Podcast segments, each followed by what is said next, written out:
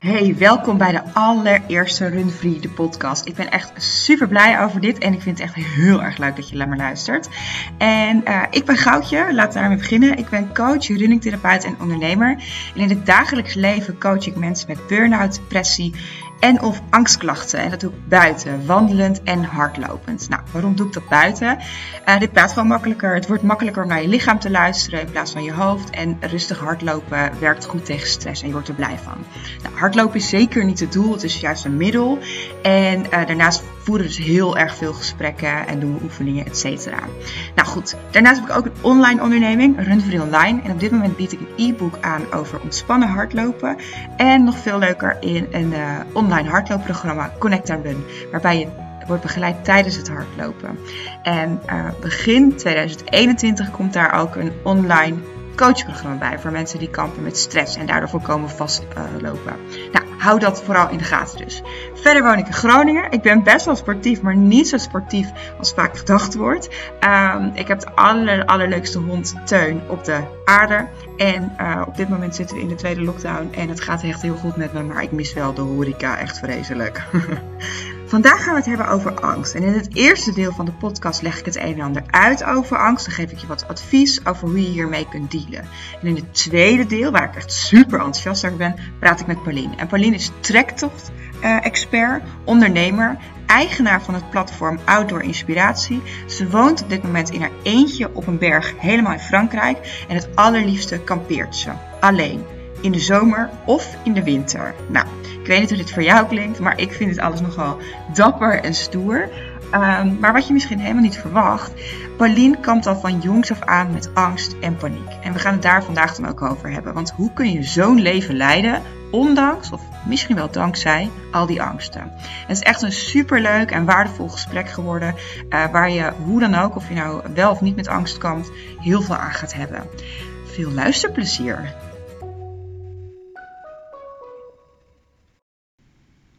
Waarom moeten we het hebben over angst? Angst kan je verlammen, frustreren, verdrietig maken. Je kunt je er enorm eenzaam door voelen en je kunt zelfs bang worden voor je eigen angst. Je kunt bang zijn voor hele specifie specifieke zaken of situaties, maar je kunt ook in het algemeen heel angstig zijn en je kunt sociale situaties heel eng vinden. De meeste mensen die veel last hebben van angst, zo, zoveel dat het echt hun leven belemmert, voelen zich heel alleen. Terwijl zo'n 1 op de 5 mensen last hebben van angst en of paniek. En wist je dat het ook echt heel vaak voorkomt in combinatie met burn-out? Mensen met angst voelen zich vaak eenzaam in hun problemen en hebben soms geen idee wat ze kunnen doen. Vandaar deze podcast. Informatie, inspiratie en bewustwording. Nou, laten we eens beginnen met wat, wat angst nou eigenlijk is. Angst helpt jou om te overleven. Dus het is eigenlijk echt een superhandige tool van je lichaam. Nou, wat gebeurt er met je? Op het moment dat, je, um, dat er echt een reële situatie is die levensbedreigend is, neem even uh, de beer op de weg, maar dan een letterlijke beer op de weg, dan zal je lichaam uh, zorgen voor een angstreactie, voor een stressreactie. Wat gebeurt er? Jij uh, bent volledig in staat om te kunnen vechten, vluchten of bevriezen. Nou, in het geval van de beer raad ik je aan om te vluchten. Vechten win je waarschijnlijk niet. Maar wat gebeurt er dan in je lichaam? Um, jij kunt niet meer helemaal helder nadenken. Dat hoeft ook niet, want je lichaam dwingt jou dus om te vechten, vluchten of bevriezen. Dus dat helder nadenken of over de boodschappen of eerst uh, een uitgebreide identificatie maken van die beer. Van hé, hey, is het nou een bruine beer of een ijsbeer? Ik heb niet zoveel verstand van beren. Maar goed, um, dat is allemaal niet nodig. Het ziet eruit als gevaar, dus je moet actie ondernemen, actie kunnen ondernemen. Bovendien werkt je lichaam uh, op bepaalde uh, functies helemaal even niet meer. Je spijsvertering bijvoorbeeld doet het even niet meer. En je immuunsysteem is ook niet zo heel erg belangrijk. Wat je wel kunt, en daar gaat alle energie van je lichaam heen, is bijvoorbeeld heel hard rennen of heel hard vechten. Of bevriezen als dat uh, jouw lichaam besluit dat dat de veiligste optie is. Nou, bij een letterlijke beer op de weg is het super handig, maar bij een figuurlijke beer op de weg, die we voornamelijk tegenwoordig zien, um, is, kan, het, kan het best wel onhandig zijn. En um, daar zit dan ook meteen uh, de crux. Want als jij uh, bij alles identificeert als angst of als uh, in een levensbedreigende situatie, dan schiet je continu in die stressmodus, in die angstmodus. En dat kan je dus enorm belemmeren. Wat we net al zeiden, je kunt bijvoorbeeld niet meer zo goed nadenken en uh, je hartslag schiet omhoog, ehm, je gaat zweten, je krijgt trillende handen, noem het maar op. Kortom, angst kan je leven gaan belemmeren, je dagelijks leven functioneren, of je dagelijks functioneren gaan belemmeren op het moment dat je angstig bent voor dingen die misschien wel helemaal niet zo heel erg reëel zijn. En ook als het je elke dag, de hele dag overkomt, waardoor je, uh, nou die belemmering kan natuurlijk zijn dat je dingen niet meer doet, of dat je dingen uit de weg gaat, of dat je steeds um, heel boos wordt, of steeds in de vechtstand staat. Um, en dat kan ontzettend vervelend zijn en misschien herken je dit ook wel. Nou, ik kom straks nog even terug op die wat er allemaal gebeurt in je lichaam, want daar heb ik jullie allemaal vragen over gesteld. En ik ga zo meteen de meest genoemde even voorlezen. Hoe ontstaat angst? Nou, dat kan bijvoorbeeld komen door een trauma. Uh, ik noem maar wat, een ongeluk of uh, seksueel misbruik of noem het maar op. Uh, maar het kan ook komen door allerlei kleinere traumaatjes. Daarnaast kan het komen door bijvoorbeeld een oververmoeid lichaam of een oververmoeid stresssysteem. Dat je te weinig rust neemt na spanning of na uh, ja, überhaupt inspanning. En uh, dan neemt eigenlijk de elasticiteit van je fysieke gezondheid, van je lichaam en van je brein nemen af. Daarnaast kan opvoeding ook een belangrijke rol spelen bij de ontwikkeling van angst. Helaas uh, heb je bijvoorbeeld een moeder of een vader die jou heel vaak uh, wijst op allerlei gevaren. Op je hele jonge leeftijd bijvoorbeeld al, dan kan het zijn dat dat bijdraagt aan de ontwikkeling van angst. En wat je dus heel vaak ziet, is als een vader of een moeder zelf een angststoornis of uh, veel angst heeft, dan uh, slaat dat heel vaak wel over op de volgende generatie. Dat is wel een belangrijk punt. En nou, bekijk dat maar eens in je eigen familie. En uh, angst komt ook vaak voor in combinatie met verschillende uh, psychische stoornissen. Denk bijvoorbeeld aan depressie en of schizofrenie. En ik, zoals ik al eerder zei, angst komt ook heel vaak voor bij burn-out. En met name in het begin, als je echt, nou ja, zoals ik net al zei, de, elasticiteit is er een beetje af, de rek is eruit, dan uh, wil angst ook echt uh, de overhand gaan nemen. En dat is heel vervelend. Nou, op Instagram vroeg ik jullie waar jullie het allerbangst voor zijn, wat jullie grootste angsten zijn. Nou, dat begon met een heleboel dieren, waar ik best wel een beetje moest grinniken. um, zelf ben ik overigens heel bang voor ratten en muizen. Uh, maar dat, niet zozeer dat het mijn leven belemmert, maar uh, ik ben wel eens echt een maand lang niet in mijn huis geweest. In mijn vorige, nou in een paar huis geleden, in mijn studentenhuis, omdat ik muizen had. En ik was zo bang dat ik gewoon niet meer naar binnen durfde op een gegeven moment. Dus het was de ultieme vermijding. En bovendien het handig als je niet in je eigen huis kunt. Um, mensen zijn bang voor slangen, of jullie zijn bang voor slangen, vogels, honden en spinnen. En waarschijnlijk is er nog een hele rits dieren te verzinnen. Uh, maar dit waren de wel de meest genoemde, waar ik wel een beetje om moest grinniken. Maar ik kan me soms voorstellen dat het best wel lastig is. Nou, um, dan zijn er een heleboel uh, andere dingen die wel echt veel serieuzer zouden kunnen worden genoemd, denk ik. Uh, en ook veel belemmerender. Nou, afwijzing in allerlei vormen. Bijvoorbeeld, uh, of de angst voor afwijzing, moet ik zeggen. Ehm, bijvoorbeeld door uitsluiting, ehm, afwijzing bij sollicitaties, maar ook gewoon door vrienden of door ouders of door geliefden. Ehm, oordelen van anderen. Nou, dat vind ik, dat is zelf bij mij ook echt wel eentje nog steeds. Verlatingsangst, maar ook bindingsangst. En dan meer in de categorie van behoefte aan controle, kom ik zo ook even op terug, is de dood. Um, angst voor controleverlies, op wat voor manier dan ook. Bang voor ziekte. En dat is met name in deze coronatijd best wel lastig. Ik merk dat zelf ook wel een beetje, dat ik bij elk uh, niche of bij elk snufje of bij elk hoofdpijntje denk, oh oh, zou het zo zijn? Um, maar dit is wel iets dat wel heel serieuze vormen aan kan nemen. En um, misschien ben je er zelf ook wel eens nou, een soort van slachtoffer tussen aanhalingstekens van dat als je één pijntje voelt in je buik of in je hoofd, dat je meteen gaat googlen. En nou ja, op Google kom je meestal op de meest ernstige vormen van uh, uh, ziektes uit. Um, raad ik je ook niet aan, maar ja, dat is wel een, uh, iets dat veel, heel veel voorkomt en ook ontzettend belemmerend kan zijn en heel angstig kan zijn. Um, dan werd vaak genoemd angst voor verlies van een dierbare en dan met name van een ouder of een kind werd een aantal keren genoemd. Ik kan me ook voorstellen dat als je kinderen, ik heb zelf geen kinderen, dat dat ook zo ongelooflijk kwetsbaar is. Um, dat je heel blij bent aan de ene kant met het kind, maar dat het ook ja, een heleboel bezorgdheid met zich mee kan brengen. Um, nou, mensen die bijvoorbeeld een burn-out of een depressie hebben gehad of aan het herstellen zijn ervan, zijn vaak bang om uh, daarin terug te vallen. En ook wat ook heel vaak voorkomt, wat ik ook heel veel met sessies meemaak, is dat mensen bang worden voor de angst of de paniek. Ehm, en eigenlijk dus dingen gaan vermijden. Ik heb bijvoorbeeld voorbeelden van mensen die uh, niet meer in de auto stappen, of zo min mogelijk in de auto stappen, omdat ze bang zijn dat ze tijdens het autorijden in paniek schieten. En nou, tijdens het autorijden in paniek schieten is natuurlijk best wel um, heel erg vervelend. Maar dat maakt wel uh, dat je daardoor belemmerd wordt. En zeker, kijk, ik woon zelf in, uh, in een uh, nou, middelgrote stad Groningen. Maar als je in een klein dorp afgelegen woont, dan ben je natuurlijk ontzettend, um, ja, dat, dat raakt je mobiliteit. En dat raakt dus je hele leven. Dus dat is een hele vervelende angst voor de angst. Uh, en dan werd ook nog genoemd uh, dwanggedachten. En dat zijn bijvoorbeeld uh, gedachten om, nou ja, ik herken dat zelf een klein beetje. Ik ben er zelf nooit zo bang voor geweest. Maar ehm, ik weet wel, ik heb wel eens zo'n gedachte gehad dat je aan het rijden bent of iets dergelijks in de auto. En dat je denkt, oh ja, als ik nu het stuur loslaat of als ik nu deze hoek omneem, dan, nou ja, dan kan het wel eens fataal aflopen.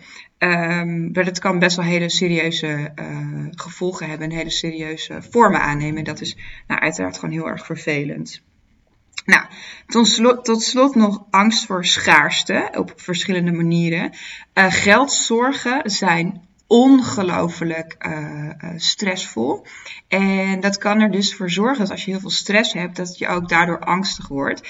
En zelf um, heb ik best wel een beetje een gekke tik. Ik vind geld uitgeven op de een of andere manier spannend. Ik word er iets beter in, maar als ik uh, serieus in een winkel loop en ik denk, oh, leuke broek, dan ga ik eerst punt 1 echt ongelooflijk lang analyseren of ik die broek wel echt nodig heb en of ik hem wel echt verdien. En um, uiteindelijk loop ik soms echt in een halve paniekaanval naar de super, of nou niet naar de supermarkt, naar de uh, kassa om dan toch af te rekenen. Het gaat inmiddels wat beter, maar um, ja, waar het vandaan komt, ik heb in mijn leven wel een klein beetje schaarste gekend. Um, misschien heeft dat er toch wel mee te maken. Nou ja, Um, misschien herken je hier wel uh, wat in. Ik ga zo eens even bespreken hoe je uh, hier wat mee kunt doen. Maar dit zijn wel, ik denk dat dit wel de grootste, de dingen zijn waar, waar veel mensen tegenaan kunnen lopen. Nou, het doel van angst, wat ik al eerder zei, is dus om te overleven. En ik heb eigenlijk deze angsten, zoals je misschien wel gehoord hebt, een beetje in categorieën ingedeeld. Want wij willen allemaal overleven. De eerste behoefte die we allemaal hebben is om geliefd te worden. We hebben namelijk andere mensen nodig om te overleven in dit leven. Dat is nou eenmaal hoe, hoe het is. Wij zijn kuddedieren. En daarin schuilt natuurlijk direct die angst uh, om niet geliefd te worden. Want zonder liefde, zonder anderen om ons heen, overleven we het niet.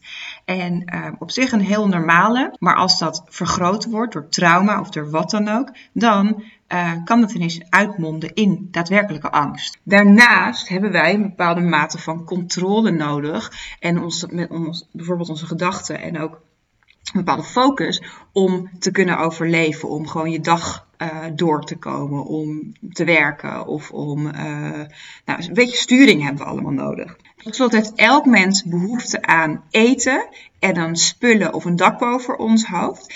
En daar komt dan ook die angst voor schaarste uh, vandaan.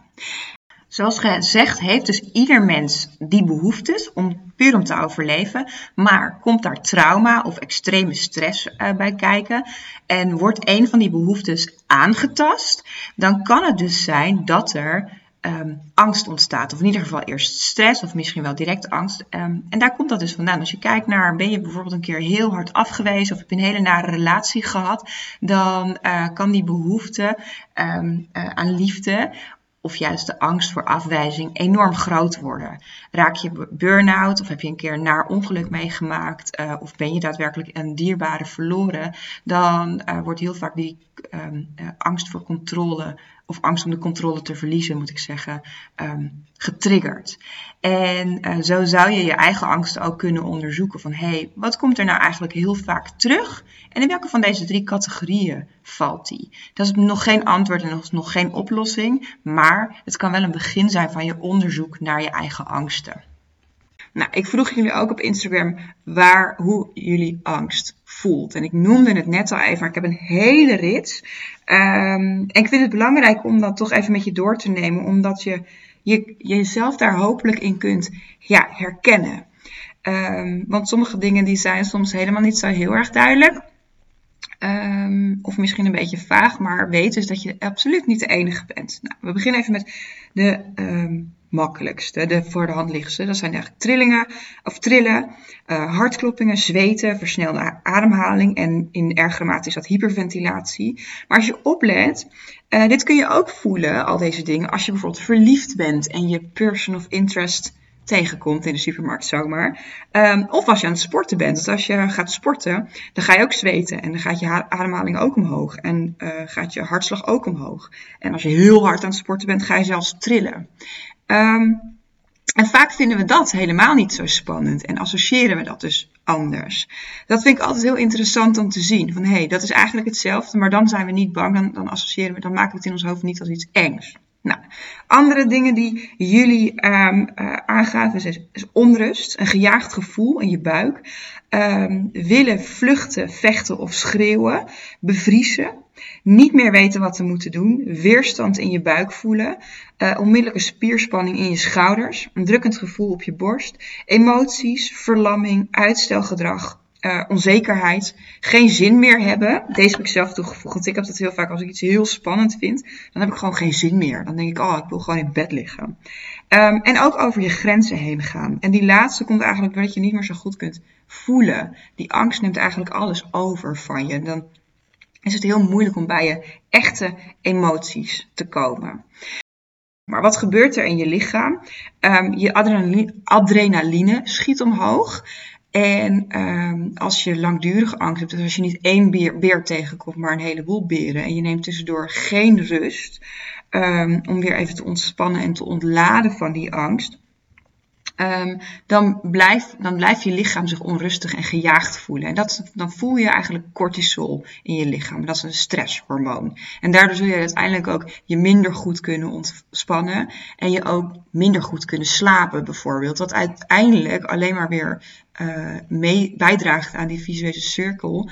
Omdat je um, dus niet meer kunt ontspannen. En dat is eigenlijk juist wat je nodig hebt na een spannend moment. En dat vergeten we ook massaal.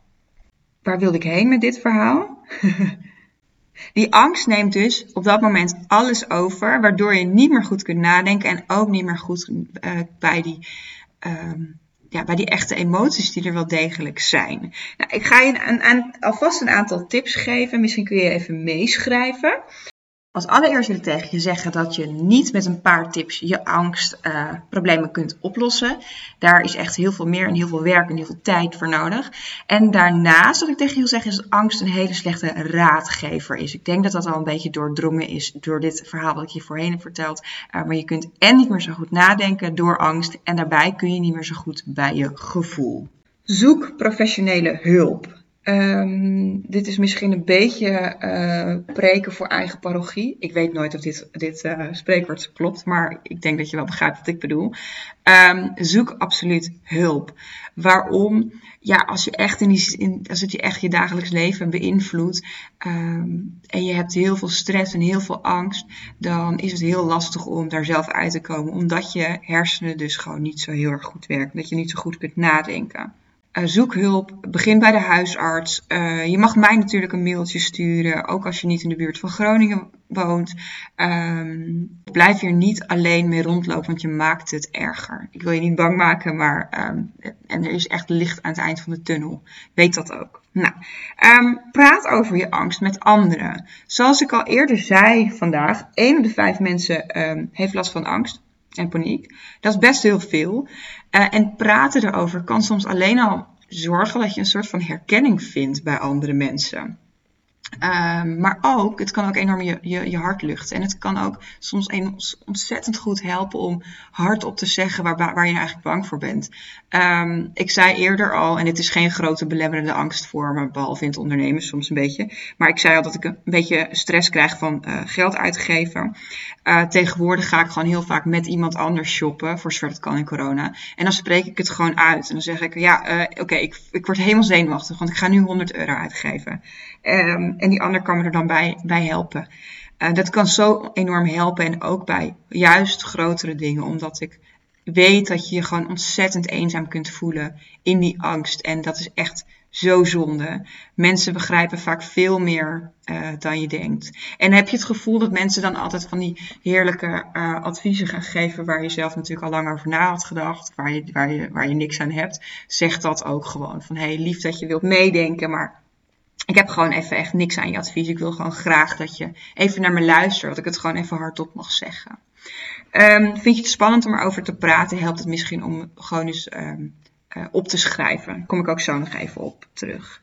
Nou, voel je je angstig? Voel je je vaak angstig? Heb je moeite met um, uh, met ontspannen, ook daardoor. Kom dan in beweging. Sporten en dan met name um, niet dat je helemaal in de overdrive gaat, maar rustig sporten, rustig duursporten, zoals hardlopen bijvoorbeeld, um, kan je echt helpen. Wandelen kan daarbij ook trouwens wel helpen. Um, of fietsen of iets dergelijks. Het zorgt meteen voor een stukje afleiding. ik noemde net dat je cortisol aanmaakt als je echt langdurig in die, in die stressstatus, in die angststatus blijft zitten of in die modus. Tijdens dat rustige sporten gaat je hartslag dus wat omhoog en je ademhaling gaat wat omhoog. En dan maak je endorfine aan. En endorfine breekt direct cortisol af. Dus dat zorgt er ook voor dat je, dat weet je misschien wel, dat je na het sporten soms zo um, rustig in je hoofd bent. En dat je uh, wat meer ruimte voelt. En bovendien zorgt het dus direct voor afleiding. En dat is eigenlijk mijn volgende tip. Zoek afleiding. Ben je bang? Weet je inmiddels dat het geen reële angst is? Uh, zorg dan gewoon voor afleiding. Normaal gesproken zeg ik heel vaak: luister naar je gevoel. Geef er aandacht aan. Maar angst um, kan je soms zo overnemen dat het goed is om juist eventjes jezelf af te leiden. Nou, Daarnaast, neem veel rust. Ik zei net iets over inspanning, maar ook ontspanning is belangrijk. En dan kan ik me voorstellen dat dat lastig is, omdat je uh, gewoon uh, helemaal in, in die, die gejaagdheid blijft zitten. Maar uh, probeer toch veel rust te nemen. Probeer goed te slapen. Probeer daar veel aandacht aan te geven, dat je dat goed, dat het toch goed, ook goed lukt. Um, en ja, lukt, lukt dat niet? doe het toch. Ja, het klinkt misschien een beetje contraproductief, ja, een beetje tegenstrijdig, maar doe het toch. Zorg dat je rust, plan maar een hele rustdag in. Of als je een, een dag te weinig hebt, twee dagen of drie dagen. En het kan zijn dat je even tegen, de klippen oploopt of tegen de Zeg je dat zo? Nou, tegen de muren omhoog springt. Ga dan vooral even wandelen of uh, rustig bewegen. Maar doe dingen echt voor jezelf. Zo belangrijk ik begrijp dat dat lastig is in deze situatie of in deze maatschappij. Um, maar als je het nodig hebt, heb je het nodig. En uh, dit kan je zo, dat kan zoveel opleveren al. En dan kun je ook wat helderder gaan nadenken. En daarmee creëer je gewoon ruimte in je hoofd. Nou, onderzoek je angst en onderzoek je gedachten. Ik zei net al een paar keer, niet zo, we kunnen niet meer zo goed denken, maar dat wil niet zeggen dat je geen gedachten hebt op angstige momenten. Je hebt er juist, waarschijnlijk ongeveer 10 miljoen. En, um, en die komen waarschijnlijk allemaal op hetzelfde neer. Bijvoorbeeld, een voorbeeld, als je um, nou, wat, wat hypochondrisch bent aangelegd, dus dat je uh, bang bent voor allerlei ziekten, dan zal dit je niet heel uh, raar voorkomen. hey, ik voel iets in mijn buik. Oh, wat is dat? Oh mijn god, het is vast kanker. Oh mijn god, ik ga dood. En daar honderdduizend gedachten bij. En uh, plus googelen, dat ga je waarschijnlijk ook doen. Die nog meer gedachten uh, uh, veroorzaken. Maar die gedachten, die kloppen vaak helemaal niet zo goed. En het is zo belangrijk. En toch ga je ze geloven en je voelt je er super slecht door. Je voelt je niet slecht door dat gevoel in je buik, maar je voelt je slecht door die gedachten. En ga dus die gedachten onderzoeken. Want wat je doet is die gedachten geloven. Je gaat je er helemaal mee identificeren. Hoe langer het duurt, en dan bedoel ik ook echt in jaren of in maanden. Hoe meer je dat in je hoofd prent, hoe meer je het gaat geloven, hoe meer je gaat, op, uh, gaat hangen aan die overtuigingen en hoe lastiger het wordt om daaruit te komen. Maar als je ze opschrijft, bijvoorbeeld, of eens bespreekt, zoals ik net al zei met iemand, en um, is doorneemt met jezelf of met iemand anders van hé, hey, wat ik denk, klopt dat nou eigenlijk wel? En hoe voel ik me daar eigenlijk door? Ik voel me heel slecht door, maar klopt het wel wat ik denk? nu toe heb je ook al die buikpijntjes en dingetjes overleefd. Dus de kans dat je gedachte waar is, is gewoon ontzettend groot. Je gedachten proberen maar een loopje met je te nemen. Dus stop met je identificeren met je gedachten. Kijk ernaar, onderzoek ze. En weet ook, je bent niet je uh, gedachten en je bent ook niet je angst. Je bent een persoon die gedachten heeft. En dat weet je omdat je ernaar kunt kijken, omdat je ze op kunt schrijven en er gewoon over kunt analyseren. En je bent een persoon die zich angstig voelt, maar je bent niet een angstig persoon. En uh, denk daar maar gewoon even rustig over na, want dit kan soms best wel heel veel invloed hebben. En in één keer kun je daar uh, anders naar gaan kijken. En dat kan je soms echt zo ineens losmaken van die angst. En dit is lastig in je eentje misschien, misschien ook niet. Ik hoop het niet, maar als het wel lastig is, probeer dan eens uh, toch echt hulp te zoeken. En ook exposure therapie is een hele bekende in, uh, in de behandeling bij angst- en paniekstoornissen. Um, nou ben ik niet per se fan van als je hoogtevrees hebt dat je meteen uh, gaat, uh, gaat hoe heet dat, bungee jumpen. Zou ik, ik, ben, ik heb zelf hartstikke hoogtevrees, zou ik zelf ook niet doen. Um, maar vermijden is iets dat we heel graag willen doen, hè, dat vluchtgedrag. En um, het is juist ook vaak goed om positieve dingen, positieve ervaringen op te doen. Ook om die gedachte van hey, de vorige keer lukte het me ook, te voeden. Dus um, dingen toch doen, ook al vind je ze eng. Uh, je angst in de ogen kijken, er doorheen breken, kan je wel degelijk heel erg goed helpen. En dat hoeft niet per se met de mega grootste stappen direct. Uh, toch die angst in de ogen kijken uh, is wel echt een belangrijke. Stoppen met vermijdingsgedrag is een belangrijke. Voorbeelden daarvan zijn, nou, ik, ik heb zelf al gezegd, ik heb nooit last gehad van extreme angsten, maar ik heb heus wel me vaak laten uh, laten tegenhouden door angsten. Um, zoals angst voor afwijzing, angst voor oordelen van mensen. Als ik daar altijd bang voor was gebleven en als ik dat altijd um, was blijven doen, als ik nooit daar doorheen was gebleken, als ik gebroken en als ik nooit door die angst in de ogen had gekeken, dan was mijn hele bedrijf er nooit geweest. Dan was deze podcast er niet geweest. Dan uh, had ik nu zometeen geen hele leuke gast uh, gehad in deze podcast. En noem het maar op. Dus uh, en dan wordt het, steeds, wordt steeds wat makkelijker, dat beloof ik. En dan een soort van tot slot, krop je emoties niet op. We vinden het in deze maatschappij, in deze tijd, best wel heel moeilijk om ons verdrietig of uh, boos of gefrustreerd te voelen. Dat mag er heel vaak niet zijn. Uh, maar juist door het opkroppen van die emoties uh, creëer je heel erg veel spanning in je lichaam. En uiteindelijk moet het er toch uit. Dat zul je eigenlijk wel weten. Maar geef dus echt ruimte aan emoties, aan rouw, aan verdriet. Doe dat echt. Het gaat je echt enorm helpen. Jullie hebben een aantal vragen ook gesteld. Die ga ik zo meteen uh, ook behandelen met Paulien. En um, een van die vragen was: gaat het ooit over? En ik wil je alvast zeggen: ja, absoluut. Absoluut, dit kan overgaan. En ik weet dat je misschien zelf het vertrouwen nog niet hebt, maar ik heb het vertrouwen wel. Uh, dus ik neem het vertrouwen heel even van je over. Het tegenovergestelde van angst is echt vertrouwen. Je kunt het dan voelen. Angst voelt heel uh, gejaagd en gestrest en gespannen in je lichaam. Alsof er iets op je, iets op je schouders leunt. En vertrouwen voelt veel meer ontspannen. Dus echt het tegenovergestelde. En um, ik hoop dat je op goede dagen daar een beetje aan kunt vasthouden. Dat het echt over kan gaan. En dat kan therapie vergen. Dat, werk, dat, dat kost werk, absoluut. Dat kost moeite. Maar je kunt het, ik weet het zeker. Ik heb het net al een paar keer gehad over hulp zoeken. Je weet dat ik uh, coach ben en runingtherapeut en dat ik dat uh, offline doe. Maar ook online komt er begin 2021. Um, en misschien is het al wel 21, uh, 2021 als je dit luistert. Komt er een online programma van mij. Waarin je in 10 weken onder andere hiermee aan de slag gaat. En dan gaan we het hebben over uh, zelfliefde, over ademhaling en focus en aandacht. En uh, waar nog meer over? Ja, onderzoeken van je gedachten, je mindset. En die, al die dingen help je enorm tegen stress, maar dus ook tegen angst. En daarnaast ga je lekker met mij hardlopen in je oor. Dus als je het gezellig vindt met me, um, dat is het hardloopprogramma. Dat, dat is er trouwens al. Dat is Connect and Run. En uh, daarmee ga je in 10 sessies uh, met mij hardlopen, waarbij je beter leert luisteren naar je lichaam, waarbij uh, het niet gaat om de prestatie of om de prestatiedruk, maar het gaat om het plezier en om ademhaling en om aandacht en focus. Um, ik, in de show notes uh, noem ik natuurlijk allemaal waar je dat allemaal kunt vinden en wanneer. En uh, dan gaan we nu door naar Paulien.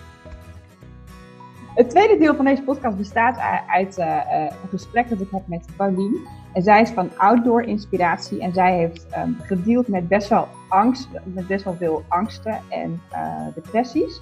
Maar ondanks, of misschien wel dankzij dat, woont ze helemaal alleen in een ver land op een berg tijdens corona. En ze is ook nog eens ondernemer. En ik ga het met haar hebben over hoe ze dat allemaal toch in godsnaam doet. Dat zijn best wel dingen die de meeste mensen heel spannend vinden. Welkom, Pauline. Nou, dankjewel. oh, ja, ik zal er even nog bij zeggen dat de, de, verbinding soms een beetje, misschien een beetje moeilijk is, omdat we, uh, ze dus helemaal alleen ver op een berg woont. we zijn toch afhankelijk van techniek. Hey Pauline, ik heb je net heel kort voorgesteld, maar je, kunt je, je kent jezelf natuurlijk best. Wie ben je en wat doe je allemaal? Wie ben ik en wat doe ik? Nou, dat is altijd uh, een lekker begin.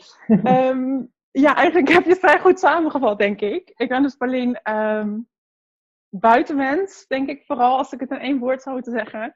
Um, en ondernemer. Um, oorspronkelijk bioloog eigenlijk. Nu uh, doe ik lekker de hele dag lekker buiten zijn en waar ik zelf zin in heb.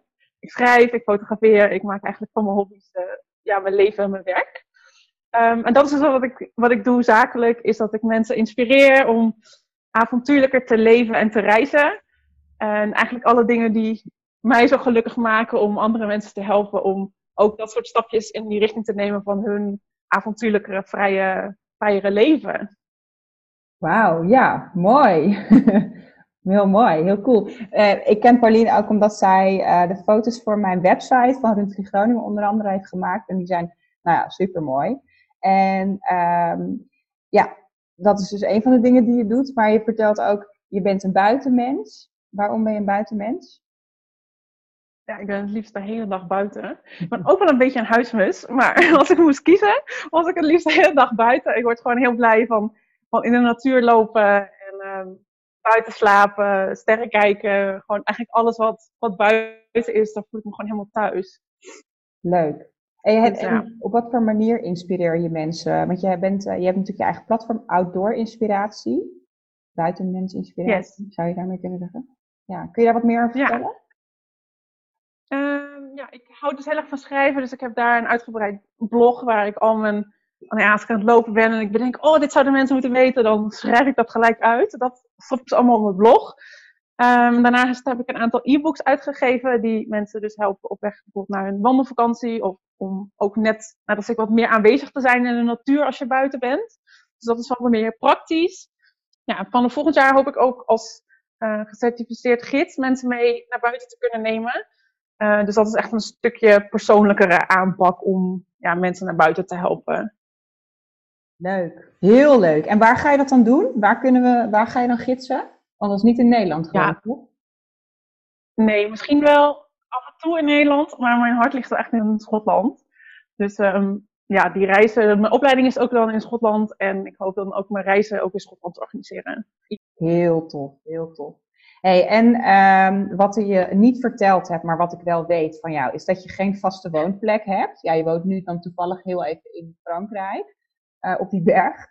Um, maar je hebt geen vaste woonplaats. En wat ik net eigenlijk al zei uh, aan, de, aan de luisteraars, vertelde ik even over angst. En er zijn een aantal dingen waar we als mens gewoon heel veel behoefte aan hebben. En dat is behoefte aan een, een bepaalde mate van controle. Uh, we hebben behoefte aan andere mensen, aan, aan liefde. En we hebben behoefte aan uh, dat, we, dat, we, dat we de beschikking hebben over eten en over spullen om ons warm en droog te houden, zeg maar. Um, maar jouw hele leven gaat daar eigenlijk een beetje tegen in. Want je zit dus alleen op die berg um, in tijden van corona. Je bent ondernemer, wat niet per se uh, de meest. Uh, en je hebt helemaal je eigen bedrijf zelf vanuit het niets opgebouwd, wat niet per se de meest um, uh, ja, standvastige manier is zeg maar, om geld te verdienen. Wat je wel lukt overigens, maar het is toch een spannende stap.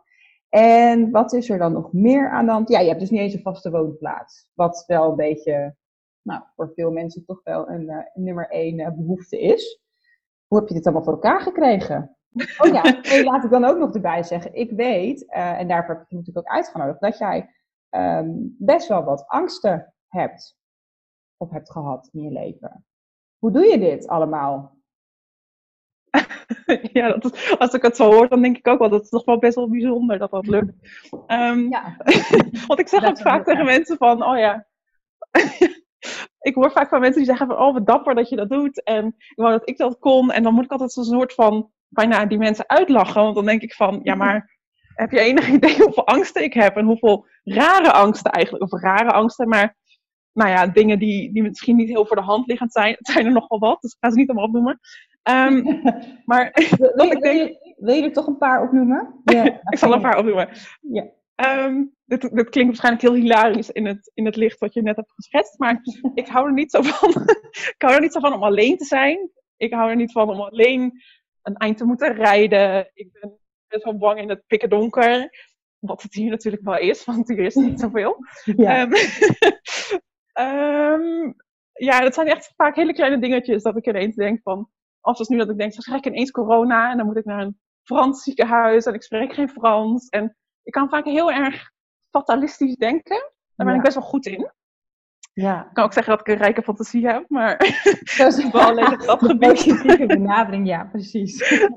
um, ja, dus dan is dit inderdaad misschien niet een hele logische keuze.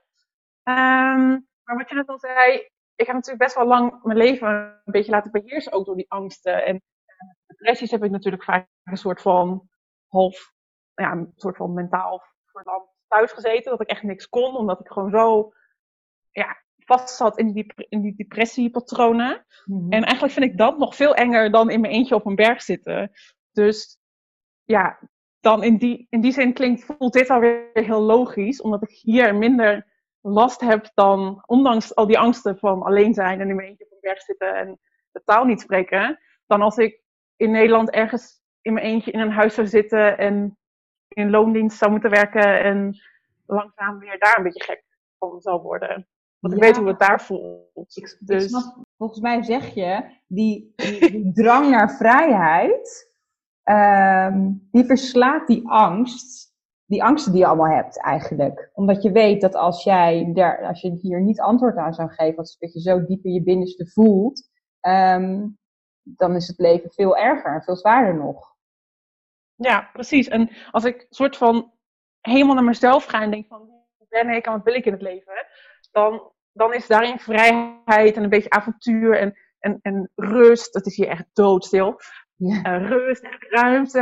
En dat is gewoon, dat is wat ik met mijn leven wil. En dat is weet waar ik gewoon het gelukkigst van word. Mhm. En ik weet ook als ik in Nederland in een woonwijk ga zitten en een, een bepaalde baan heb die niet helemaal bij me past of waar ik niet in pas. En ja, als ik altijd heel hard moet werken om dan die, die maandelijkse huur op te hoesten en al die dingen, dat, dat maakt me juist een beetje, dat maakt me juist ongelukkig, omdat dat niet is wat ik echt met mijn leven wil.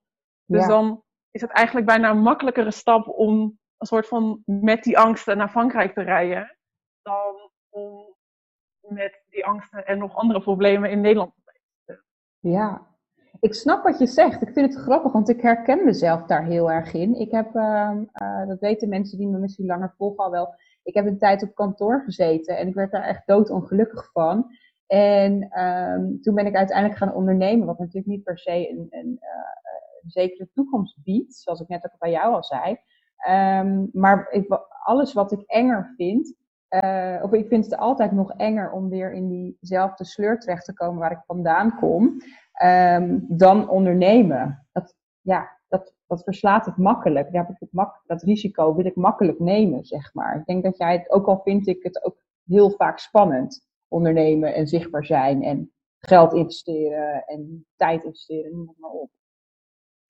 Ja, precies dat. Ik kan het altijd een beetje moeilijk onder woorden brengen, want voor mij is het soort van de enige manier die ik zie. Maar zoals jij het zegt, dan denk ik van, ja, ja, zo is het inderdaad wel. Het is een soort van, het voelt echt alsof ik een soort onbewuste afweging maak. En dat, mhm. dat het dan, ja, dat het alternatief eigenlijk misschien eerst veiliger en mooier lijkt. Maar mhm. als je daar echt in zou zitten, dat het helemaal dat niet meer zo echt zou zijn. Mhm. Een soort van valse, valse veiligheid. Ja, ja, ja. En ik denk ook dat eh, heel veel mensen daar ook in blijven zitten. Ik, moet, ik wil niet zeggen dat iedereen maar ondernemer moet worden of in een op een berg in Frankrijk moet gaan zitten. Maar ik denk dat we ons heel vaak onbewust laten leiden door allerlei angsten. En helemaal als je eh, ook nog echt uh, dat misschien in een extremere vorm hebt. echt in, in, in angststoornis of echt, nou ja, echt je angst je belemmert. Dan gaan we in een soort schijnveiligheid zitten. Ik zie dat best wel vaak om me heen ook, inderdaad. Mooi, ik vind het zo cool, want je bent er zo, ja, je bent daar best wel extreem in natuurlijk. Je hebt geen, geen huis, je hebt een onderneming. Um, uh, ja, best wel een atypische onderneming. Dat is niet een webshop trouwens, ja, ook, maar uh, nou ja, dat vind ik gewoon heel cool. Dat vind ik echt heel stoer. Uh, dat je gewoon echt hard durft te volgen. Moet volgen bijna dus. Mm -hmm. Ja. Um, even, ik wil even, want het gaat nu dus als ik het mag zeggen, best wel goed met je, geloof ik. Mm -hmm. Ja. Um, maar als je nou terugkijkt, um, en daarbij hoef je echt niet je hele jeugd op de kop te zetten en dat soort dingen. Maar als je terugkijkt, hoe zijn jouw problemen, tussen aanhalingstekens of jouw angsten, ontstaan? Mm. Ja, dat vind ik altijd weer lastig. Ja, ik denk dat het echt een combinatie van heel veel dingen is. Ik denk dat ik gewoon al een beetje ik zeg altijd een beetje gek geboren ben. Um, gek is natuurlijk, maar gek is dan niet heel negatief bedoeld, maar gewoon van, nou ja, best wel met misschien een paar uitdagingen. Um, ik denk ook dat echt mijn aanleg ook gewoon best wel wat, wat, wat angstig is misschien. En als ik, ik denk ook dat dat misschien een stukje aangeboren is of overgenomen is van de omgeving waar ik opgegroeid ben. Dat is even de vraag. En dat, je dan, dat ik dan misschien niet in de meest ideale omgeving altijd geweest ben als kind. Waar ik Um, en dat ik eigenlijk een soort van probeerde in die wereld te passen of die maatschappij, waar ik dus eigenlijk denk ik niet voor gemaakt ben. Tenminste, ik kan er nu niet in functioneren. Mm -hmm. Ik wil dat ook niet, maar ik kan het ook niet. En ik denk dat ik gewoon 25 jaar lang geprobeerd heb om, in, om iemand te zijn die ik niet helemaal ben en ook nooit helemaal ga kunnen zijn. Ja. Dus dat ik me een soort van gedrag heb aangeleerd waarbij ik gewoon functioneer in wat van mij verwacht wordt. Mm. Maar dat dat eigenlijk nooit helemaal was wat, ja, wat bij mijn karakter en mijn, mijn dromen ook past. Ja, ja. Ik vind dat je dat heel mooi omschrijft. Want dat is eigenlijk, denk ik, wat, wat ik zelf ook heel veel zie. Ik coach natuurlijk veel mensen met burn-out. En dat is, dat, dit gebeurt zo verschrikkelijk vaak. En we hebben een soort van maatschappij met elkaar uh, gecreëerd. Waarin je in een hele smalle mal moet passen. En pas je daar niet in en loop je al snel buiten, uh, dan val je al snel buiten de boot. Um, maar dat willen we maar niet accepteren, dat je soms buiten die boot valt. En dan nee. gaan we maar proberen in dat malletje te passen. En dat kost superveel energie en kracht. En daar word je angstig van. Ja, ik denk ik ook. En ik denk ook dat je dan ook continu soort van geconfronteerd wordt met mm dat je, of door anderen, of dat je het vooral zelf ziet, maar dat je iets niet kan. Of dat je iets niet, dat je niet normaal bent. Omdat andere mensen wel in die omgeving functioneren. En dan word je ook een soort van extra bewust. Want ik, ik denk ook dat heel veel angsten die ik nu, of die ik nu heb, als ik nu in een andere, of weer in mijn oude leven zou stappen, dat die angsten ineens weer een probleem werden. Terwijl ja. nu eigenlijk vormen ze geen probleem. Want ja, ze zijn er gewoon. En ik, ik hoef, ja, ik hoef er niet zoveel mee. Of weet je, ze zitten me niet zo in de weg, omdat ik veel minder iets hoef te zijn wat ik niet ben. Dus ik heb eigenlijk, het is niet dat ik mijn leven aan heb gepast aan mijn angsten, maar in dit leven zijn ze niet zo zichtbaar als in een leven waar je niet wil zitten.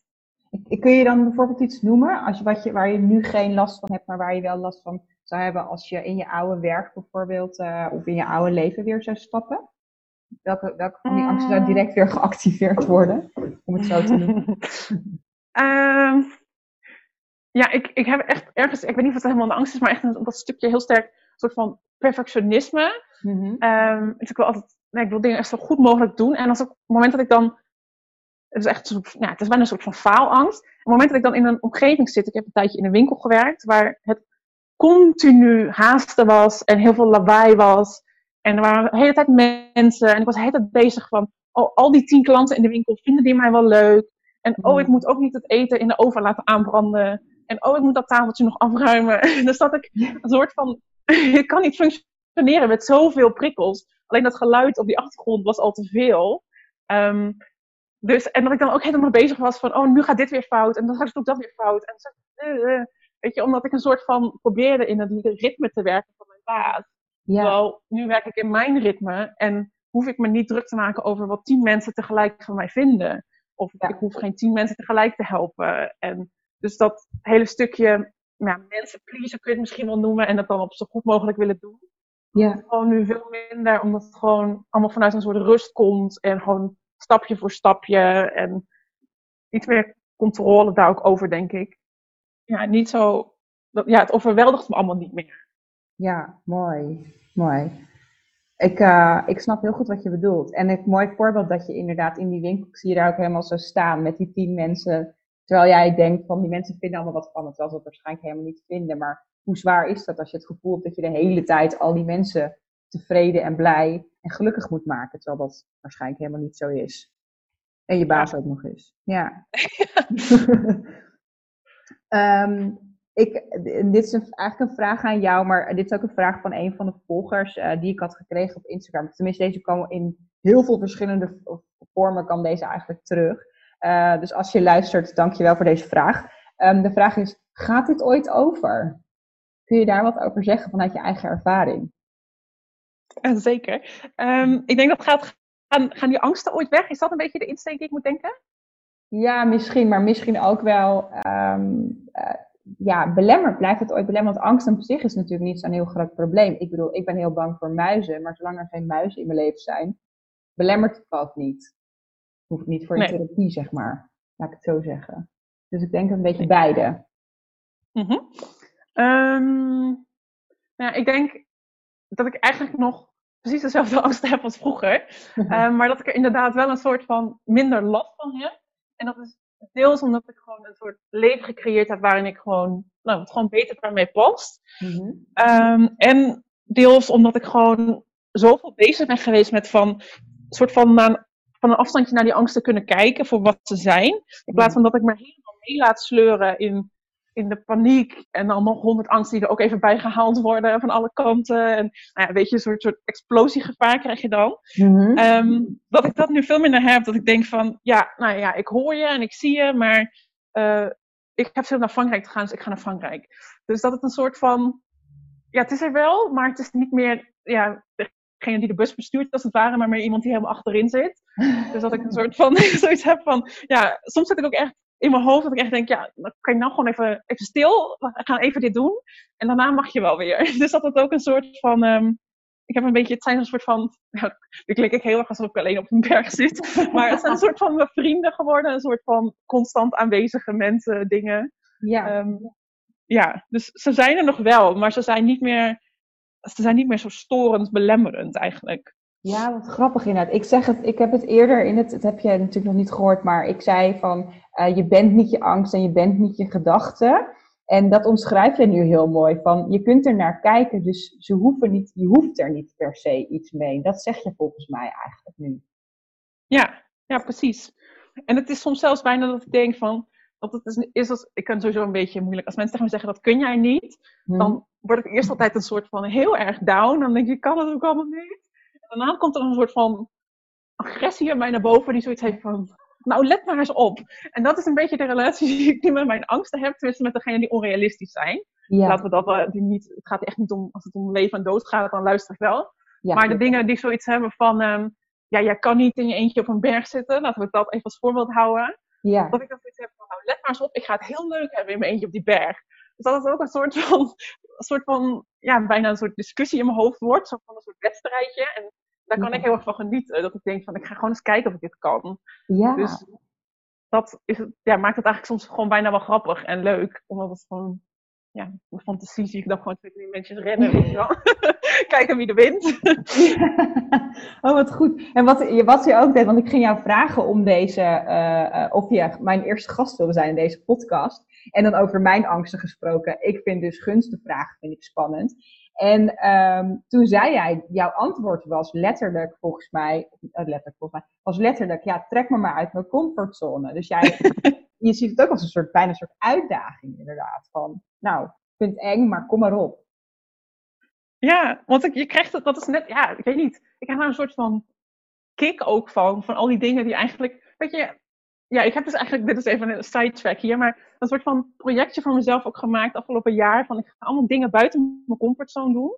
En dan gewoon best wel een beetje random dingen. Ja. Dus die niet direct mijn allergrootste angsten zijn. Maar ik heb bijvoorbeeld echt een hekel aan water waar ik de bodem niet kan zien. ja. Dus dan dacht ik van, nou, elke keer dat ik water zie waar je een soort van in zou kunnen zwemmen zonder, nee, weet ik veel, door de vissen. I don't know. Zeg maar, ik, bij de Hoornse Plas of zo in Groningen of ergens Lauwersmeergebied, dan groot meer. Nou, dat ik denk, kan ik hierin? Ja, ik ga hierin. En dan dacht ik, nou, dan ga ik ook gewoon skinny dippen. Want dat is nog een beetje een extra uitdaging. En dan heb ik een soort van, een soort van ja, challenge voor mezelf gemaakt. En elke keer dat ik wel deed, dan kwam ik daaruit. En dan dacht ik van, joh, dit, ah, ik kan dit gewoon. En dan kreeg ik zoveel zelfvertrouwen dat andere Ja. dingen daarna ook weer beter gingen. Dus eigenlijk nu als ik denk van, zou ik hier ja op kunnen zeggen? Ook al wil ik niet. Dan Ja. denk ik, oh, dat ga ik gewoon doen. Want er komt vast wel weer een soort van beloning in de vorm van die kick. Of zo. ja, precies. Oh, wat een beetje als goed. een eh, verslaafde hier. Maar ja, het is echt een soort van, ja, van, oh, ik ga dit nog een keer doen en nog een keer. Dus ehm, nee, dat werkt goed. Ja, dus eigenlijk zeg je ook van, vanuit eer- eerst een soort vermijder, angstig op, je, op een kamer zitten en maar eh, eh, in loondienst blijven, eh, waar je eigenlijk niet gelukkig bent, ben je een soort thrill seeker geworden, sensation seeker geworden. En zoals.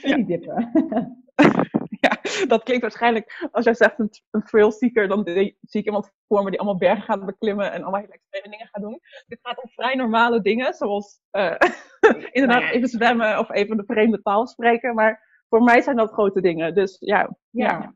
Ja, maar goed, dat, dat is natuurlijk wat het is. Dat, dat maakt ook niet uit of het groot of klein is voor iemand anders. Het gaat om wat het voor jou doet. Ik vind het wel echt een hele. Ik vind het wel heel inspirerend, inderdaad. Want dat je, je zegt eigenlijk: ik ga niet mijn eigen allergrootste angst aan, maar wel gewoon de per se, of ook wel, maar eh, ook gewoon oefenen met kleinere stappen en kleinere dingen. En daardoor krijg je meer zelfvertrouwen. En ik heb al eerder gezegd: zelfvertrouwen of vertrouwen is het tegenovergestelde van angst. Dat voelt ook gewoon als het tegenovergestelde. Dus dat ja, vind ik echt gewoon mooi dat je dat. ehm, dat je dat op die manier doet, of deed, ja, nog steeds doet. Dat je zo in het leven bent gaan Ja. staan.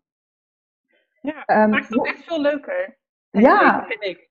dat geloof ik inderdaad, dat geloof ik er zeker. Ik eh, weet van mezelf dat ik, ik, ik krijg altijd als ik een soort presentatie moet geven of zo, dan denk ik van tevoren, oh leuk, en dan komt het heel dichtbij en denk ik, nee, ik wil niet meer, en hoop ik de hele tijd dat het afgezegd wordt, of weet ik veel wat. En dan uiteindelijk is het zover en dan eh, daarna voel ik me zo, zo echt tien keer beter dat het echt zoveel waard was om even door die angst heen te kijken, inderdaad. Je hebt net al een aantal eh, tips tussendoor gegeven. Eh, en eigenlijk heb je al een beetje uitgelegd van hoe ben je vanuit je problemen gekomen naar, naar eigenlijk je soort van je droomleven, denk ik wel, wat je dat een beetje aan het creëren bent op dit moment.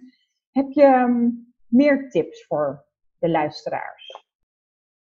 Ja, wat, wat we net al even zeiden, dat stukje inderdaad van. Ik vind het zelf wel zo zwaar om dan mijn grootste angsten aan te gaan. Maar ik heb het gevoel als je je comfortzone heel langzaam met kleinere angsten een soort van vergroot, dat je dan op een gegeven moment die grotere angsten een soort van vanzelf ook een beetje meer in die grote comfortzone gaan vallen. Ehm, dus ja, ik denk dat het gewoon heel goed is om dingen te gaan doen waarvan je denkt van nou, ook gewoon dingen waar je misschien niet heel erg bang voor bent. Ik Ik zit even, probeer even een voorbeeld te bedenken, maar ehm, die enigszins geschikt is voor hier. even denken. Alles zeggen. Ja, maar goed. Ehm, I don't know. Nou, laten we zeggen, ehm, als je bijvoorbeeld naar mijn Instagram kijkt, ik maak van die filmpjes van mezelf. En ik ben echt iemand, ik heb altijd best wel een laag of slecht zelfbeeld gehad. Dus dat is voor mij echt wel een dingetje. Het is niet mijn allergrootste angst om mezelf te filmen. Maar het is wel iets, als iemand tegen mij zou zeggen van, goh, ga je jezelf even filmen voor Instagram? Dat ik echt zou denken van, nou, wie denk je dat ik ben? Dat ga ik toch niet doen? Mhm. Ehm, dus dat soort dingen meer te gaan doen. En dat gewoon een soort van, een soort van spier trainen om dingen buiten je comfortzone te gaan doen. Juist Ja. door gewoon dingen te doen die een beetje random zijn. En eigenlijk ook wel hilarisch. Dat je vooral heel hard om jezelf kan lachen. En dat is denk ik iets wat me heel veel geholpen heeft om die angsten niet zo serieus te nemen. Omdat ik mezelf, dan stond ik weer ergens halverwege een meer met een beste vriendin verderop. Die zei, zei ik van, je moet tot drie tellen en dan ga ik zwemmen hoor. Ja, dan stond ik daar weer helemaal mijn hele lichaam zoveel mogelijk te bedekken tegen die hondenuitlaters, weet je wel. En zei ze, oké, 1, 2, 3. En zei ik, nee, nee, nee, nog een keer 1, 2, 3. Nou, weer 1, 2, 3. Zei nee, nee, nee. En vervolgens dan word je je zo bewust van de blokkades. En dan is het eigenlijk alleen nog maar hilarisch. Oh ja, dat is iets wat mij heel veel geholpen heeft nu. Dat ik denk van, nou, dan komt ze weer met een rare angst hoor. En dan Ja. kan ik daar een soort van ontzettend veel lol om hebben. Dus ik neem het daardoor allemaal gewoon niet meer serieus, waardoor het ook eigenlijk veel minder invloed heeft. Want ik zit dat eigenlijk gewoon in zijn gezicht uit te lachen. Ja. Ehm, ja, dus, dus dat helpt heel veel. Ja, maar dat Ehm, geeft daar meteen ook mee aan van humor is ook wel echt heel erg belangrijk. En een beetje zelfspot. En als je heel erg angstig bent, ehm, dan wordt alles heel zwaar op een gegeven moment. Maar als je op een gegeven moment dat gaat zien, dan kun je ook zorgen misschien dat er weer wat ruimte komt in de vorm van humor. Wat je zegt, angst gewoon in het gezicht uitlachen af en toe. Als het lukt natuurlijk. Ja, Goeie. ja en, en wat ook wel weer helpt als, het, als ik dat eigenlijk niet zo goed kan, is het tegen iemand uit, mijn beste vriend in de wereld. Ehm, Dus die kan ik ook echt altijd bellen. En als ik het dan ook uitspreek, dan is het al een soort van, als het dan een soort van power een beetje verliest of zo. Dat het dan is van, nou ik kan er niet van over praten. Dus, ehm, dus ik, ik ben ook altijd heel open over mijn angsten, ook al zijn ze een beetje, nou ja, ongewoon of zo. Dat ik denk, nou ja, oké, ben je hier nou, moet je hier echt zo panisch over doen? Ja. Ehm, maar juist omdat ik daar ook gewoon over praat. En dan, ja, dan is het dan een soort van kleiner. Of ik schrijf erover als ik toevallig gewoon helemaal in mijn eentje op een berg zit. Ehm, Ja. Maar gewoon, gewoon om het een soort van stem te geven. En dan kan ik het ook een soort van weer even wegzetten. Ja. Ehm, en ik, ik doe best vaak op een dag, dat is eigenlijk wat ik jou heb geleerd. Dat we altijd doen als we een sessie doen, dus die twee minuten ademhalen. Mhm. Ehm, dat doe ik eigenlijk gedurende de dag. En dan check ik een beetje in bij mezelf. Want ik ben heel snel in mijn hoofd. ja. En dan ben ik gewoon wat meer even een soort van, niet in mijn to-do-lijst, maar gewoon in mijn, in mijn Pauline-stijl. ja. En dan, ehm, dan komen vaak ook die dingen waaruit ik handel. Dus ik denk van, oh, waarom ben ik hier zo gestrest over? Dan kan Ja. ik dan een soort van zien en denk ik, oh, dat is deze angst. En dan zie ik hem ook weer voor wat hij is. Dus dan, Ja. ja. eigenlijk op alle manieren een beetje zorgen dat het gewoon een soort van overzichtelijk bundeltje wordt. Waar je vervolgens, nou ja, om kan lachen of kan uitspreken, gewoon weg kan gooien. Ja, het los kan laten eigenlijk. Mooi ook. Ja. Die ademhalingsoefening kan ik wel heel even kort benoemen. Wat je eigenlijk heel simpel doet is, eh, je zet bijvoorbeeld een wekker voor 2 of 10 of 15 of 20 minuten. En dan eh, adem je in door je neus, je ademt uit door je neus. Je houdt een korte pauze tussen die ademhalingen. En dat herhaal je eigenlijk totdat het wekkertje afgaat. En je probeert ondertussen een beetje je schouders te ontspannen. Ehm, en je hoeft verder niks. Het is ook niet dat je niet moet, mag nadenken. Of, eh, maar je checkt gewoon even in bij je lichaam. En je komt even in het hier en nu. En daardoor ga je, kan het zijn dat je even voorbij die angst gaat. En dat je even dieper kunt voelen dan alleen maar die angst. Bijvoorbeeld ook gewoon dat je een pijnlijke kleine teen hebt of iets dergelijks. maar dat trekt je wel weer naar het hier en nu en uit je hoofd. Want daar speelt die angst zich af. Altijd. Toch? Yes. Yes. Ja, ja met jou eens. Ik was niet zeker of je vastliep of dat je klaar was. Goeie, goeie. Ehm, ik heb dan nog een, eh, nog, nog een vraag van een volger. Eh, en ik denk dat dit ook wel eentje is waar je misschien wel een beetje antwoord op hebt gegeven. Ehm, maar misschien is het goed om er nog even een concreet antwoord op te geven. En anders dan help ik je hiermee. Wanneer is een angstig gevoel reëel en wanneer niet? Hoe maak je daar onderscheid tussen? Hmm. Ehm, ja, wat ik meestal in ieder geval probeer te doen als ik me echt helemaal een soort van door laat opeten. Ehm, dus dat het echt helemaal de overhand neemt. Is eigenlijk wat ik, ja, ook weer iets wat ik weer van jou heb geleerd. Want is dit, is dit überhaupt waar wat ik nu denk? Ehm, ja, wat, wat voor dingen? Nou, bijvoorbeeld, laat ik zo zeggen, het zit hier natuurlijk met die, met die Franse lockdown. Dus ik mag eigenlijk niet langer dan zoveel naar buiten. En dan ben ik als de dood dat ik dan het formuliertje verkeerd invul en dat de politie me gaat stoppen. En dan gebeurt er een enorme ramp. Nou ja, ik heb geen Ja. idee wat die ramp dan eigenlijk is. Maar het is zo'n grote ramp dat ik al niet meer naar buiten ga. Ehm, want dan, dan is mijn leven over of zo in mijn hoofd. En dan echt gewoon even stilstaan van, oh, maar waarom ben ik hier nou zo bang? Wat is dat argument nou? Nou ja, mijn argument is dan van, joh, als de politie, als de politie me aanhoudt, dan, eh, dan gaat het helemaal mis. Mhm. Nou, dat, dat is natuurlijk dan denk ik van, oké, is dit zeker weten dat dit zo gaat zijn?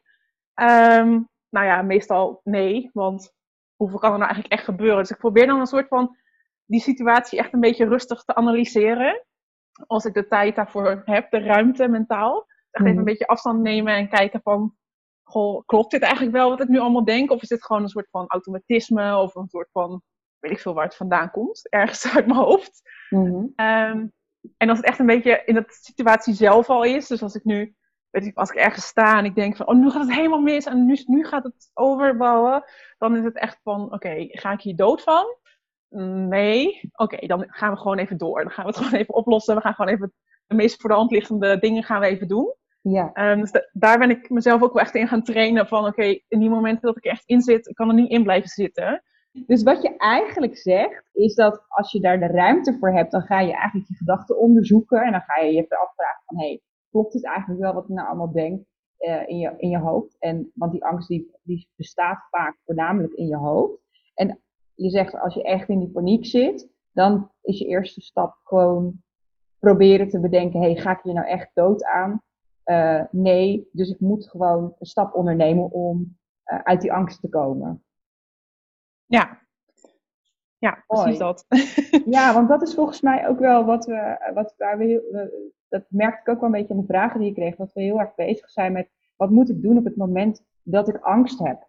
Nou, op, die, op het moment dat je angst hebt, moet je voornamelijk zorgen dat je daar even uitkomt, dat er rust komt. Uh, maar aan jezelf werken, en dat geef jij ook heel mooi aan in, in eigenlijk je verhaal. Aan jezelf werken moet je voornamelijk ook doen op het moment dat je je wat beter voelt. Um, want als je al heel erg angstig bent, gaat het je niet lukken om allerlei hele spannende dingen te doen. Maar op het moment dat je je veilig voelt met een vriendin, uh, bijvoorbeeld wat je beschreef net over in dat meer duiken, nou ja, zwemmen, skinny dippen, mm -hmm. um, dat kun je heel prima doen op dagen dat je, dat je je redelijk tot goed voelt. En daarin zit ook je groei, denk ik. Ja, en, en wat ik daarin ook probeer op die goede dagen is eigenlijk op te schrijven van, oké, als ik nu uit zo'n angst kom, wat heb ik eigenlijk gedaan om daaruit te komen? En als dat met een beetje struggles ging, van nou, wat had ik dan, wat had ik eigenlijk echt nodig? Dus dat op het moment dat ik weer rustig ben, probeer ik ook een soort van te analyseren van, oké, welke angst, waar werd het door getriggerd en welke soort van, de meeste angsten zijn eigenlijk een beetje hetzelfde verhaaltje bij mij, komt allemaal op hetzelfde neer als je een beetje doorkijkt. Um, van oké, wat, wat hielp dan? Dus ik heb ook een soort van lijstje. Ik heb een, een doos ook bij mij in de kamer staan. Die neem ik altijd mee, in mijn twingootje. Ja. Een doos met gewoon een soort stappenplan. Van oké, op het moment dat ik denk dat er niemand in de wereld van mij houdt. Want die gedachte krijg ik nog alles als ik zo in mijn eentje ben. Dat is gewoon, nou, dat is echt mijn grote angst natuurlijk. Ik heb daar allemaal kaartjes in verzameld van mensen die hele lieve dingen voor mij hebben geschreven. Ik heb een paar beste vriendinnen gevraagd om een brief te schrijven. Gewoon met allemaal leuke dingen, wat ik dan op zulke momenten kan lezen. Ja. Um, en ik heb voor mezelf allemaal tekeningetjes gemaakt van een kop thee en ABBA-muziek. um, een lekkere lange douche, even mijn nagels lakken, gewoon dat soort dingen. Dus op het moment ja. dat ik dan denk van, oh, ik ben helemaal alleen op de wereld, het komt allemaal niet meer goed. Um, en vriendinnen bellen. Nou, ach, dat soort stappenplannen heb ik gewoon een soort kant en klaar. Omdat ik uit het verleden weet van dat werkt. Ja. Dus op het moment dat ik dan oh, in zo'n situatie zit, hoef ik niet meer opnieuw het wiel uit te vinden. Want dan kan ik nog niet eens bedenken hoe ik, ja, weet ik veel, een stap buiten de deur zet. Dan is alles moeilijk. Mhm. Maar als ik dan gewoon een soort sta stap, uh, stappenplan in de handen gedrukt krijg van mezelf, Ja. dan, ja, dan, dat werkt gewoon. Dat is bewezen dat dat werkt voor mij. Dus dan kom ik er ook zo weer uit. Dus dat is wel een voordeel van veel angst te hebben, denk ik. En vaak angstig zijn. Dat je eigenlijk heel makkelijk kan oefenen met wat wel en niet werkt. Ja. En vervolgens voor jezelf steeds een beetje makkelijker maakt. Ja, wat een goede tip is dit ook. Heel praktisch, hè? Want wat we net al zeiden, je komt uh, op het moment dat je echt angstig bent, ja, dan hoef je, dus is echt, dan kun je niet meer goed nadenken, niet meer logisch nadenken. Dus dan kun je niet allerlei uh, boeken eerst gaan lezen. Dus zou het heel mooi zijn als je voor, voor jezelf een stappenplan hebt met dingen die goed voor je werken. En inderdaad dingen als muziek of je nagels lakken of uh, een douche nemen. Douche nemen werkt trouwens heel goed. Of even wandelen, of in beweging komen, of iemand bellen. Dat, zijn, dat kunnen echt lifesavers zijn. Dat is echt super slim. Bij wijze van spreken hang je het op de, op de, op de koelkast of uh, zet je het in je telefoon een lijstje, zodat je het altijd bij je draagt, zeg maar. Dat, ja, of die, terugvallen op zo'n ademhalingsoefening. Uh, wat maar werkt voor je. En daarmee experimenteren. Supergoed. Yes. Mooi. Um, volgens mij hebben we een heleboel besproken. En um, nou, uh, volgens mij hebben we ook wel een heleboel vragen beantwoord. Waar kunnen we jou vinden en volgen? Want ik kan me voorstellen dat mensen vet enthousiast van je zijn. Ben ik wel natuurlijk. Jee. um, ja, ik ben het meest actief eigenlijk op Instagram. Dat is dan het uh, outdoorinspiratie. Yes. Um, en de gelijknamige website is outdoorinspiratie.nl, waar ik dus al mijn uh, mijn, meer mijn buitentips ook plaats op mijn blog. Leuk, leuk. En wat ik heel inspirerend vind is dat um, uh, Pauline die, die, die deelt natuurlijk gewoon veel over outdoor dingen. Zoals heel praktisch van wat voor tent heb je nodig. Zo, dat soort dingen. wat voor broek.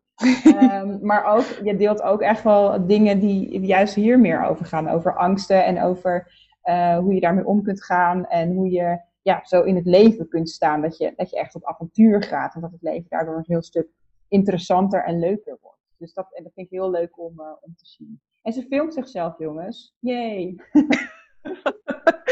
oh, jee. En je kunt elke week, geloof ik, heb je een vragenrondje hè, over allerlei dingen. Ja, ja, één keer per week of één keer per twee weken wordt het misschien. Ja. Dat ik iets, zelf iets minder vaak om te filmen. Maar, nee, um, nee, maar dat uh, regelmatig, ja. Heel leuk, heel leuk. Ik wil je heel erg bedanken. Ik heb mijn aller, allerfavorietste vraag niet gesteld. Zie ik nu. Nee, dat verbaasde mij al. Ik heb daar zo mijn best op gedaan. Ik dacht, nou komt het, nou kan ik. Oh, je weet kan ik iedereen gesteld doen staan. Wat is je liefde? ik heb een vermoeden. ja, nou, je verwacht misschien dat ik augurken ga zeggen als je me op Instagram volgt. Maar mijn lievelingseten ja. is gewoon, uh, net als van vele kinderen, gewoon pizza. Oh, lekker. Oh, ik heb ook zin in eten. Het is ook tijd om, uh, om te gaan eten. Bijna. Maar, uh, leuk. Hey, heel erg bedankt. En um, nou, we, we, zien elkaar nou, niet zo heel snel in het echt, maar wel online. En um, ik wil je heel veel succes wensen daar in Frankrijk en met je bedrijf natuurlijk. Yes, dank u. Wederzijds. Dank je wel, dank je wel. Volgens mij was dit echt een super waardevol gesprek. Waar, waar ik in ieder geval heel veel van geleerd heb ook weer. En uh, waar jij hopelijk ook een heleboel van kunt leren. Mocht je nou denken, hey, deze podcast vind ik heel waardevol. Maar ik ken nog een heleboel mensen die dit ook vinden. Deel het dan vooral met die persoon. Uh, daar help je hun mee, maar daar help je mij ook mee. En um, vond je het leuk? Uh, deel het dan ook vooral waar dan ook maar op je social media. Super leuk als je dat doet. En uh, zoals ik ook al eerder zei, in 2021 komt er een heel seizoen met allerlei onderwerpen waar we het over gaan hebben. Allerlei gasten. Uh, ik heb er heel erg veel zin in. Ik vond dit al uh, echt al smaken naar meer.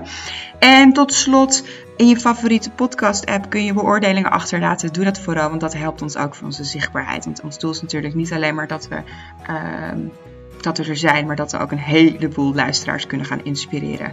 Heel erg bedankt voor het luisteren en tot in 2021. Doeg doeg!